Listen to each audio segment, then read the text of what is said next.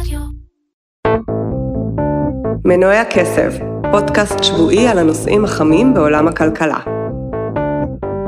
רוצים לבלום את פוטין באוקראינה? אין בעיה.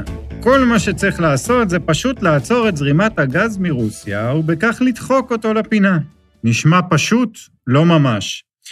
דוגמה לכך ניתן לקחת מסיפור שמתרחש בעיירה קטנה שנמצאת בצפון מערב גרמניה, רדן. אני מקווה שאני הוגה את השם נכון. העיירה הזו אמנם מנומנמת מעל פני הקרקע, אבל גועשת למדי מתחת לאדמה. בעומק של כמה עשרות מטרים יש שם שטח חפור של משהו כמו אלף מגרשי כדורגל, ובכל השטח הזה יש מצבור גז עצום. מצבור שמכיל חמישית מכלל מצבור הגז של כל גרמניה. ועל כל מצבור הגז הזה אחראית לא אחרת מחברת גז פרום, תאגיד נפט וגז ענק שנמצא בבעלות רוסיה, ולמעשה אחראי על שליש ממצבורי כל הגז של גרמניה, אוסטריה והולנד.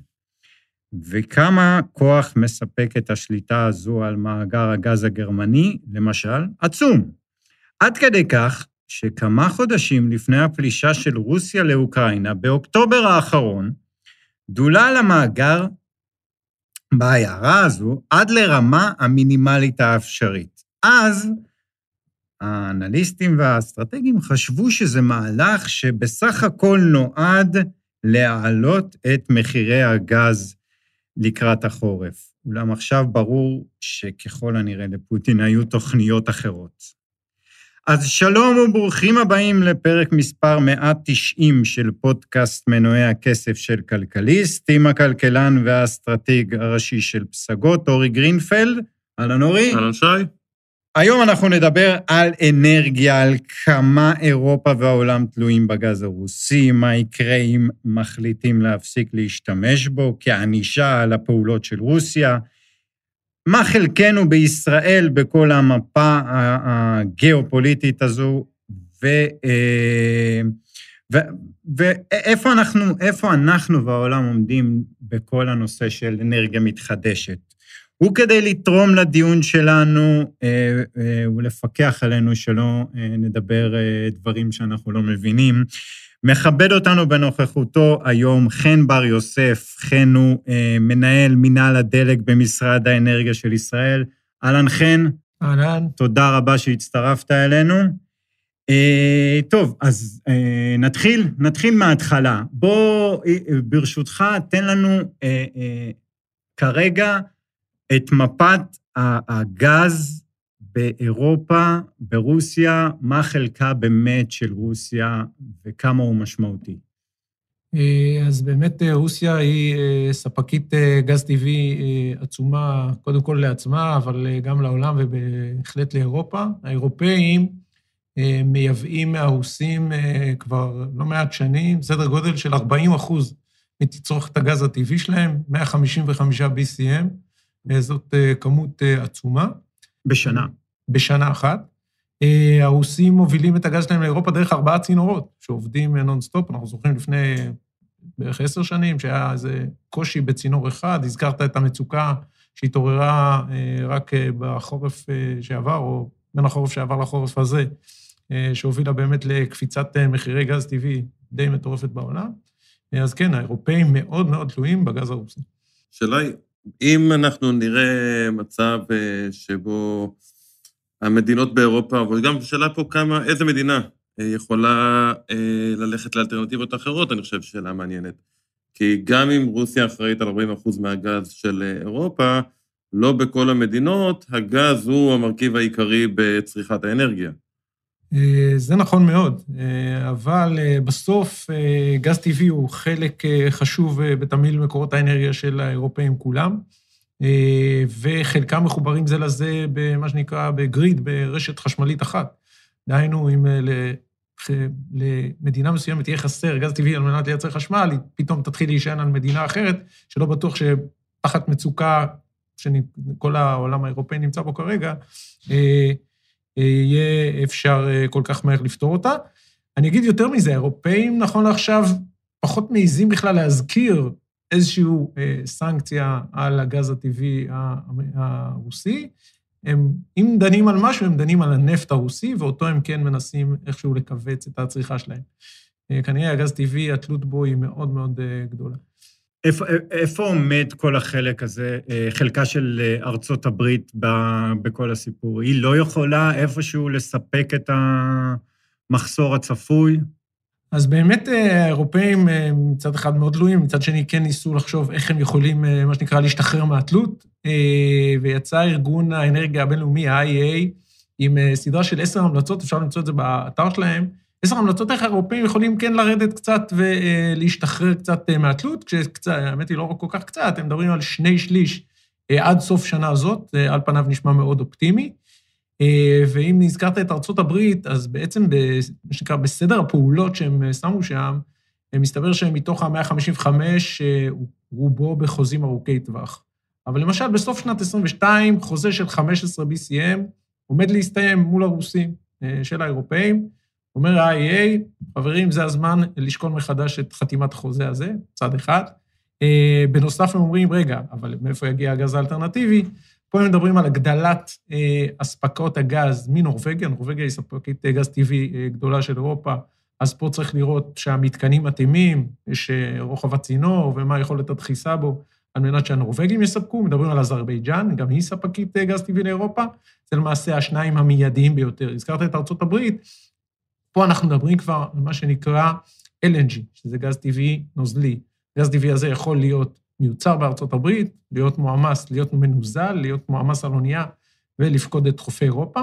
יש להם מגבלת כמות בשביל לקבל גז טבעי נוזלי, אתה צריך מתקן רגזיפיקציה, שהופך חזרה את הנוזל לגז. בנקודת היעד שהוא נמצא... כן, באירופה עצמה.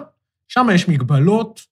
חלק מהמתקנים האלה נמצאים בספרד, אבל אז הם לא יודעים להגיע לצרפת, כי אין חיבור בצינור. אבל כן, יש יכולת לארה"ב להגדיל את הייצוא שלה, האירופאים מדברים גם עם קטר, ולאחרונה שמענו שהם גם פנו אלינו, על מנת שישראל תבחן איך היא יכולה, חלק מהגז הטבעי שנמצא אצלנו בתת הים, לייצא להם. אז בואו נעשה רגע שנייה סדר לפני שאנחנו עוברים לישראל. כן. מבחינת האלטרנטיבות של המדינות, אתה אומר שהאלטרנטיבות הראשיות הן נורבגיה ואזרבייג'אן, כשזה דורש איזושהי פעולה, איזושהי פעולת השקעה, כי אחרת כבר היום סביר להניח שהאירופאים היו קונים יותר מנורבגיה, הם מן הסתם מכירים את התמונה הגיאופוליטית של העולם, אז הנורבגים בעצם צריכים לעשות איזושהי פעולת השקעה גדולה, אולי האירופאים ישלמו על חלק מזה, להגדיל צינורות וכן הלאה. ומה לגבי אלטרנטיבה של מוצרי אנרגיה אחרים? כמה זה קל לחברת חשמל לעבור, להעביר ייצור מגז לפחם או לנפט, שזה משהו שיותר קל למשל לקבל מהאמריקאים. א', כמה זה קל, וב', מה זה אומר מבחינת התוכניות הירוקות של אירופה. אז זהו, אז באמת ה-IA בסוף עשרת ההמלצות שלו, עשרת ההמלצות כלולות עוד כל מיני דברים מאוד מעניינים, הוא מדבר על התייעלות אנרגטית, הוא מדבר על זה ש-1% מהמבנים באירופה עובר איזשהו שדרוג, ולכן הוא מתייעל, כי יש בו יכולת לשמר את האנרגיה, מחממים שם את הבתים הרי כמעט חצי שנה, אז הוא מדבר גם על זה, והוא מדבר על לשים עוד תאים פוטו-וולטאיים על הגגות, בדיוק כמו שאנחנו רוצים פה בישראל. אז יש לו כל מיני פתרונות, זה נקרא לזה הפתרונות שהוא קורא להם המיידיים, ושמבחינתו הוא רוצה לקדם. ואז בסוף עשר ההמלצות האלה הוא כותב מיני הערת שוליים. ואז הוא מזכיר באמת את האלטרנטיבות ההרבה פחות ירוקות, שזה לעבור מגז טבעי בעצם לשרוף אה, אה, מוצרי דלק בתחנות הכוח, תחנת כוח שהיא, אה, לא כולם שם, אצלנו אנחנו במצב יותר מגובה, אבל שם לא כל התחנות שעברו לגז טבעי הן תחנות שהן דו-דלקיות, אבל הם כן מדברים שוהיה אם משבר כל כך עמוק, אז גם לשרוף באמת דלקים, סולר, במקום גז טבעי. תאורטית זה משהו שעושים בלחיצת כפתור? שוב, השאלה כמה תרגלו את זה, כמה בדקו את זה, כמה... זה... אנחנו בישראל, כידוע, יותר ערוכים למצבי משבר, ולכן אצלנו כן מתרגלים את זה כל הזמן. כמה המצב באירופה, בטח משתנה בין תחנה לתחנה, תלוי מה דרש ממנה הרגולטור לאורך השנים. כמה היא ערוכה בעצם לחזור מגז טבעי למוצר אחר. לפחם זה כנראה התהליך הכי ארוך. כי בעצם תנורי פחם הם גם לא מאוד יעילים, זה אירוע יותר מורכב. אני, אני, אני שנייה לא מבין משהו. אירופה לאורך כל השנים, אתה אומר, אנחנו אה, חיים אה, על, ה, על החרב ולכן יש לנו אלטרנטיבות. זה לא עבר אף פעם לגרמניה בראש או, ל, או לספרד בראש, שיכול להיות שמתישהו אה, אה, פוטין יסגור קצת את הברז ואז יהיה בעיה? איך לא חשבו שם על אלטרנטיבה אחרת? אז אה, אחד, זה כן עבר, ואנחנו יודעים, הזכרת, פתחת את השיחה היום עם אותו מאגר גז. הגרמנים הכריזו, לדעתי, כמה ימים אחרי פריצת המלחמה הזאת, על זה שלהם, דה פקטו, יש גז במאגרים לסגור את החורף. אז בוודאי מדינה כמו גרמניה, שהיא מדינה עשירה ויכולה להרשות לעצמה את הכפילות הזאת, אה, בנתה את זה. יש עוד כמה מדינות באירופה שיש להן מאגרים שיכולים לספק להן ל-X אה, שבועות, אבל בואו לא נשכח, אחרי החורף הזה יגיע החורף הבא. אם נעלם לך מקור אספקה, שבסוף הסתמכת עליו בצורה מאוד מאוד אינטנסיבית, זה לא שבלחיצת כפתור אתה מביא לו תחליף. אתה צריך באמת להתחיל מהגורן ומהיקב להביא ולמצוא פתרונות חילופיים בשלל היבטים מדלקים אלטרנטיביים, וגם דרך התייעלות ודרך, הם מדברים על לא לחמם את הבתים ליותר מ-22 מעלות. בסדר? הם אומרים, זה יחסוך לבד X אה, אה, BCMים בשנה, בואו לא נחמם ביתר. לקנות חברות של סוודרים, אני חושב. כן, כן. כן, כן, זה לא... ובואו נדבר רגע עלינו, על ה... על ה... מצאו פה גז, אני חושב, נכון? קצת. אין, אנחנו לא יכולים לספק את החלק מהמחסור, זה לא משהו שכרגע אנחנו יכולים לעשות אותו בטווח זמן המיידי? אה, שוב, אה, המושג מיידי בתשתיות הוא מושג מוגבל. אנחנו, נכון לעכשיו, צורכים 12 BCM ומייצאים עוד סדר גודל של 5 BCM לשנה. BCM, ביליון קיוביק מיטרס, זה יחידת המדידה, נקרא לזה הגדולה של הגז הטבעי. אה, הצריכה שאתה מדבר היא לא רק במגזר הפרטי, היא בכל ה... הכל. הצריכה שלנו מבוססת היום בעיקר על חברת חשמל, הוא הלקוח המרכזי של גז טבעי, רוב החשמל שלנו היום, לשמחתנו, מיוצר אה, בגז טבעי ולא בדלקים אה, יותר מזהמים. וגם תעשייה כבדה בישראל משתמשת היום בגז טבעי, וגם כמה מפעלי תעשייה כבר לא כל כך כבדים, כי הרשת הישראלית הלכה ונפרסה לאורך השנים, יש לה עוד מה להיפרס, אבל זה המצב אצלנו. לגבי הייצוא, אנחנו מייצאים היום אה, בעצם לשתי מדינות, לירדן ולמצרים. אנחנו עושים את זה בשני צינורות, אחד שמוביל לירדן והשני שמוביל, עוד אה, מי שזוכר, פעם ייבאנו ממצרים, בחברת EMG המצרית, ייבאנו ממנה גז טבעי, באותו צינור, לשמחתנו, הפכו לו את הכיוון ועכשיו אנחנו יצואנים. אה, לצינור הזה יש מגבלת כמות, מגבלת כמות שנתית. בסוף לצינורות האלה יש לחץ מקסימלי שבהם יכולים לעבוד, והמגבלה הזאת, אנחנו כמעט שם. אה, ולכן אנחנו בתהליכי תכנון לסדילת עוד צינור. מה זה עוזר לאירופאים? זה למצרים. עוד... זה למצרים. כן. מה זה עוזר לאירופאים? כמו שדיברנו בארצות הברית, שצריך לנזל את הגז טבעי. על מנת לנזל אותו, זה מתקני תשתית מאוד מאוד גדולים, יקרים, שלוקח הרבה שנים לבנות. למצרים יש כאלה. אה, ולכן, דרך מצרים, על פניו, ככל שנייצא להם יותר גז וייחתם ההסכם המתאים, אפשר יהיה לייצא לאירופאים חלק מהכמות, אני אזכיר, 155 BCM, זה הצריכה שלהם רק מרוסיה בשנה, כנראה שאת זה לא נצליח להביא, אבל אה, כן אה, כמה BCMים נוספים לתמהיל שלהם, בהחלט. כמה מכיל מאגר, אה, המאגרים שלנו? כמה בפוטנציאל? אם אני זוכר נכון, אנחנו עם 570 BCM בלוויתן, ותמר הוא משהו קצת פחות מזה. אז אבל זה אמור גם לספק לנו לאי אלו שנים קדימה, וצריכת הגז הטבעי שלנו צפויה עוד לעלות. אנחנו עם אוכלוסייה גדלה ועם רמת אה, תיעוש גדלה, אה, ולכן זה שאנחנו 12 BCM היום זה לא התחזית קדימה ל... אז העברה דרך מצרים זה הפתרון הכביכול מהיר יותר. אגב, שולץ הוציא לפני, אה, הקאנצלר הגרמני, לפני שלושה שבועות, אם אני לא טועה, או חודש, סדרה של אה, הוראות חדשות, הרחבה פיסקלית גדולה, הרבה כסף שהולך, שחלק גדול מזה לבנות שני מסופי LNG חדשים, זאת אומרת, הוא כבר כמובן חושב קדימה לאור מה שקורה, הוא אומר, אני חייב לנטרל, אבל זה דברים שלוקחים זמן, כמו שאתה אומר. אה, מה עם צינור לאירופה? זה משהו שמן הסתם לוקח הרבה יותר זמן, זה אפשרי, חושבים על זה? צינור לאירופה זה יוזמה שכבר אה, למעשה כמה שנים, אנחנו עם אה, מה שנקרא מדינות האזור, המדינות השכנות, ממצרים דרך אה, קפריסין, ובוודאי עם האירופאים, דנים בו ומנסים לקדם אותו. זה בחינה מאוד מאוד רצינית, זה צינור במעמקי הים, צריך להגיע מישראל דרך קפריסין ליוון, ומשם בעצם להתפשט לכל אירופה. מדברים על זה, בודקים את הכדאיות של זה, בודקים את ההיתכנות של זה. אה, קרקעית הים, לנו נדמה שהיא שטוחה, אבל היא לא. יש שם ואדיות, יש שם זה, הצינור הזה יש לו אה, מסלול ארוך ולא קל, ואת זה בודקים ממש, צוותים סופר מקצועיים, גם עם גיבוי של הבנק העולמי. זה יהיה תהליך, זה כנראה לא הפתרון של השנה הקרובה. אוקיי, okay. ולגבי כל טורקיה וצינור דרך טורקיה עכשיו, זה לא... מעבר דרך הטורקים, לא מה ש... אין, אין, לא, לא מסתמן איזשהו פתרון בכיוון הזה? זה לא יעזור לנו, למשל?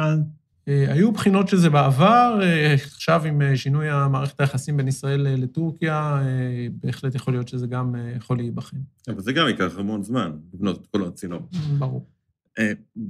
מי המרוויחים הגדולים של הסיפור? זאת אומרת, בסוף נאמר, ואפילו אם פוטין לא סוגר את הצינור, מחירי הגז עלו לשמיים, וכולם מבינים שהם צריכים להוריד את התלות שלהם ברוסיה. מי מרוויח מזה? אם אנחנו מסתכלים למשל על החיטה, שזה גם סיפור גדול, חיטה מיוצרת באוקראינה ורוסיה, 30 אחוז מהייצור העולמי, אז יש לא מעט מדינות, דרום אפריקה, מדינות אחרות, שייהנו כנראה מביקושים גדלים לתבואה שלהם. מה קורה בעולם של האנרגיה? אז טוב, נורבגים אמרנו. כולנו מכירים אבל גם את ספקיות הנפט העולמי, וכולנו קראנו שבשבועיים, שלושה האחרונים, החבר'ה אה, בערב הסעודית קצת פחות עונים לביידן, אז אה, כנראה שערב הסעודית היא נהנית אה, לא קטנה מזה שמחירי הנפט הם מעל 100 דולר, גם ארה"ב עצמה נהנית מזה שהמחירים מעל 100 דולר, לא במובן הפנים-אמריקאי, במובן הפנים-אמריקאי מאוד קשה להם עם זה, המחירים שם בתחנות הגיעו לשיא שהם לא ראו מעולם, רק אה, בתחילת המשבר, ב-27 בפברואר, אם אני זוכר נכון, הגיע שם ל-4 דולר, 4.17 דולר בתחנה, זה זעזע את אה, האמריקאים כולם. לגלון. לגלון, כן, לגלון. לגלון. אה, כן. בסדר, אבל כן, הן היצואניות, ארה"ב פותחת פתאום את שעריה לוונצואלה. אה, היא באמת מחפשת אה, נפט גולמי בכל מקום אה, אפשרי, ונצואלה, זה, יש דיבורים שאפילו הלחץ לחתום עם האיראנים, שגם יודעים לייצא סדר גודל של 1.2 מיליון חביות ליום. כנראה שחלק מהלחץ לחתום איתם זה גם הפוטנציאל נפט גולמי שיש באיראן. ומה קורה עם סין? סין, אני, אני ראיתי איזושהי כתבה אתמול שהגדילה את הזרימה של הגז שהיא לוקחת מרוסיה.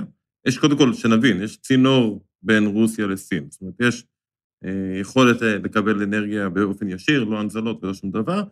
אה, ומה התפיסה היום שהרוסים, או דעתך האישית, הרוס, הסינים בעצם יצילו את הרוסים במובן של גם אם אירופה תתחיל לקנות פחות ופחות עם הזמן, הסינים יוכלו לייצר את הביקוש הזה? על פניו הסינים, ממה שאנחנו מכירים, מאוד מודעים לעצמם. דהיינו, הם אה, דואגים קודם כל שלאזרח הסיני יהיה אה, כמה שיותר וכמה שיותר בזול. אה, לכן הרבה שנים הם היו, הם עדיין, האמת היא, מובילי העולם בצריכת פחם. מאוד מאוד מוטרדים ממקורות אנרגיה, יש להם הרי המון המון אנשים שלהם הם דואגים, והם עוברים לאט-לאט, כמובן, מכפריות לעירוניות. ומלצרוך יחסית מעט אנרגיה בדרכים אה, ישנות, לצרוך הרבה יותר אנרגיה, הרבה יותר מכוניות, הרבה יותר אה, חשמול וכן הלאה. אה, האם הסינים יראו את זה כהצלת רוסיה? לדעתי הסינים רואים את זה כלמצוא את מקור האנרגיה הכי זול שהם יכולים להשיג, וקצת פחות אכפת להם מה קרה או מי זה שמכר להם. שוב, אני לא פוליטיקאי דגול אה, בינלאומי בשביל להגיד אה, האם המקור, הסיבה של זה זה... לא, השאלה אם ברמת היכולות, כי כמו שאמרת, גם אם מחר רוצים לקחת הרבה יותר גז, אז לא בטוח שהצינור יכול ליישם את זה. אה, מבחינת היכולות של סין, לקחת בעצם חלק גדול מהביקוש האירופי, זו שאלה כן, מעניינת. אז 155 BCM בארבעה צינורות, כנראה הסינים לא ידעו לקחת דרך צינור אחד. אה, מה שכן, בואו לא נשכח, אנחנו מדברים על אה, רוסיה וסין. זה שתי מדינות שכנראה תהליכי התכנון בהן והיכולת להעביר צינור בהן הם כנראה הרבה יותר קלים ממה שקורה בדמוקרטיות מערביות, אה, ולכן הם יביאו צינור הרבה יותר מהר. כנראה שלצינור הנוכחי יש מגבלות שלא קרובות ל-155. מה שנקרא, אתה, אתה יודע איך אה, אומרים אה, מבקר פנים ברוסית? לא אומרים. אה, בוא נדבר קצת על, על העתיד. הרי, הרי הגז טבעי הוא בעצם סוג של אנרגיית ביניים עד למעבר של אנרגיה נקייה, שמתחדשת. איפה אנחנו עומדים, מדינת ישראל? איפה אנחנו יחסית לעולם גם? אה, אז אנחנו עם אה, כמעט עשרה אחוז אה, ייצור חשמל מאנרגיות מתחדשות כבר בשנת 2021. אנחנו עם יעד שאפתני מאוד של 30 אחוז בשנת 2030, 30 אחוז אנרגיות מתחדשות. זה כמויות עצומות, גם של אותם פאנלים סולאריים, או תאים פוטו-וולטאיים בשמו המקצועי, וגם אנרגיית הרוח, שאנחנו לא משופעים בה, אה, ומעלה... שנייה, רגע, למה הוא שאפתני? זה לא, זה לא הגיוני שבשמונה שנים, שבע ושמונה שנים, אנחנו נגיע ל-30 אחוז? שמש לא חסר. שטח. שטח. שטח, זה הסיפור של מדינת ישראל. אנחנו מדינה קטנה, צפופה מאוד, ולכן אה, מה שהמשרד מוביל בשנים האחרונות זה באמת סוגיית הדו-שימוש. כיוון ששטח נטו, וכולם עוברים לפעמים בנגב ורואים באמת את הפאנלים האלה נמצאים שם במרחבים האדירים, אבל לזה אין נכונות גדולה ששטחים טבעיים יהפכו להיות שטחים מופרים ומלאי פאנלים. ולכן בעצם מה שמדינת ישראל מחפשת זה כרגע דו-שימוש, ודו-שימוש, שזה אומר עוד ועוד מערכות סולריות, פוטו-וולטאיות, במקטעים לא מאוד גדולים, לא מקבצים גדולים, וכל דבר כזה זה חיבור וחיבור לרשת, ולייצר את ההתקשרות הנכונה ולקבל את האישורים הנכונים. זה האתגר, זה המון המון שטח בשביל לקבל את אותם 30 אחוז אנרגיות, ולכן האתגר הוא אתגר מאוד גדול. אוקיי, okay, ורק קטעתי אותך לפני, אמרת שאנחנו כרגע על 10 אחוז אנרגיה מתחדשת. איפה, איפה, מה, מי המדינות המובילות בעולם בתחום הזה?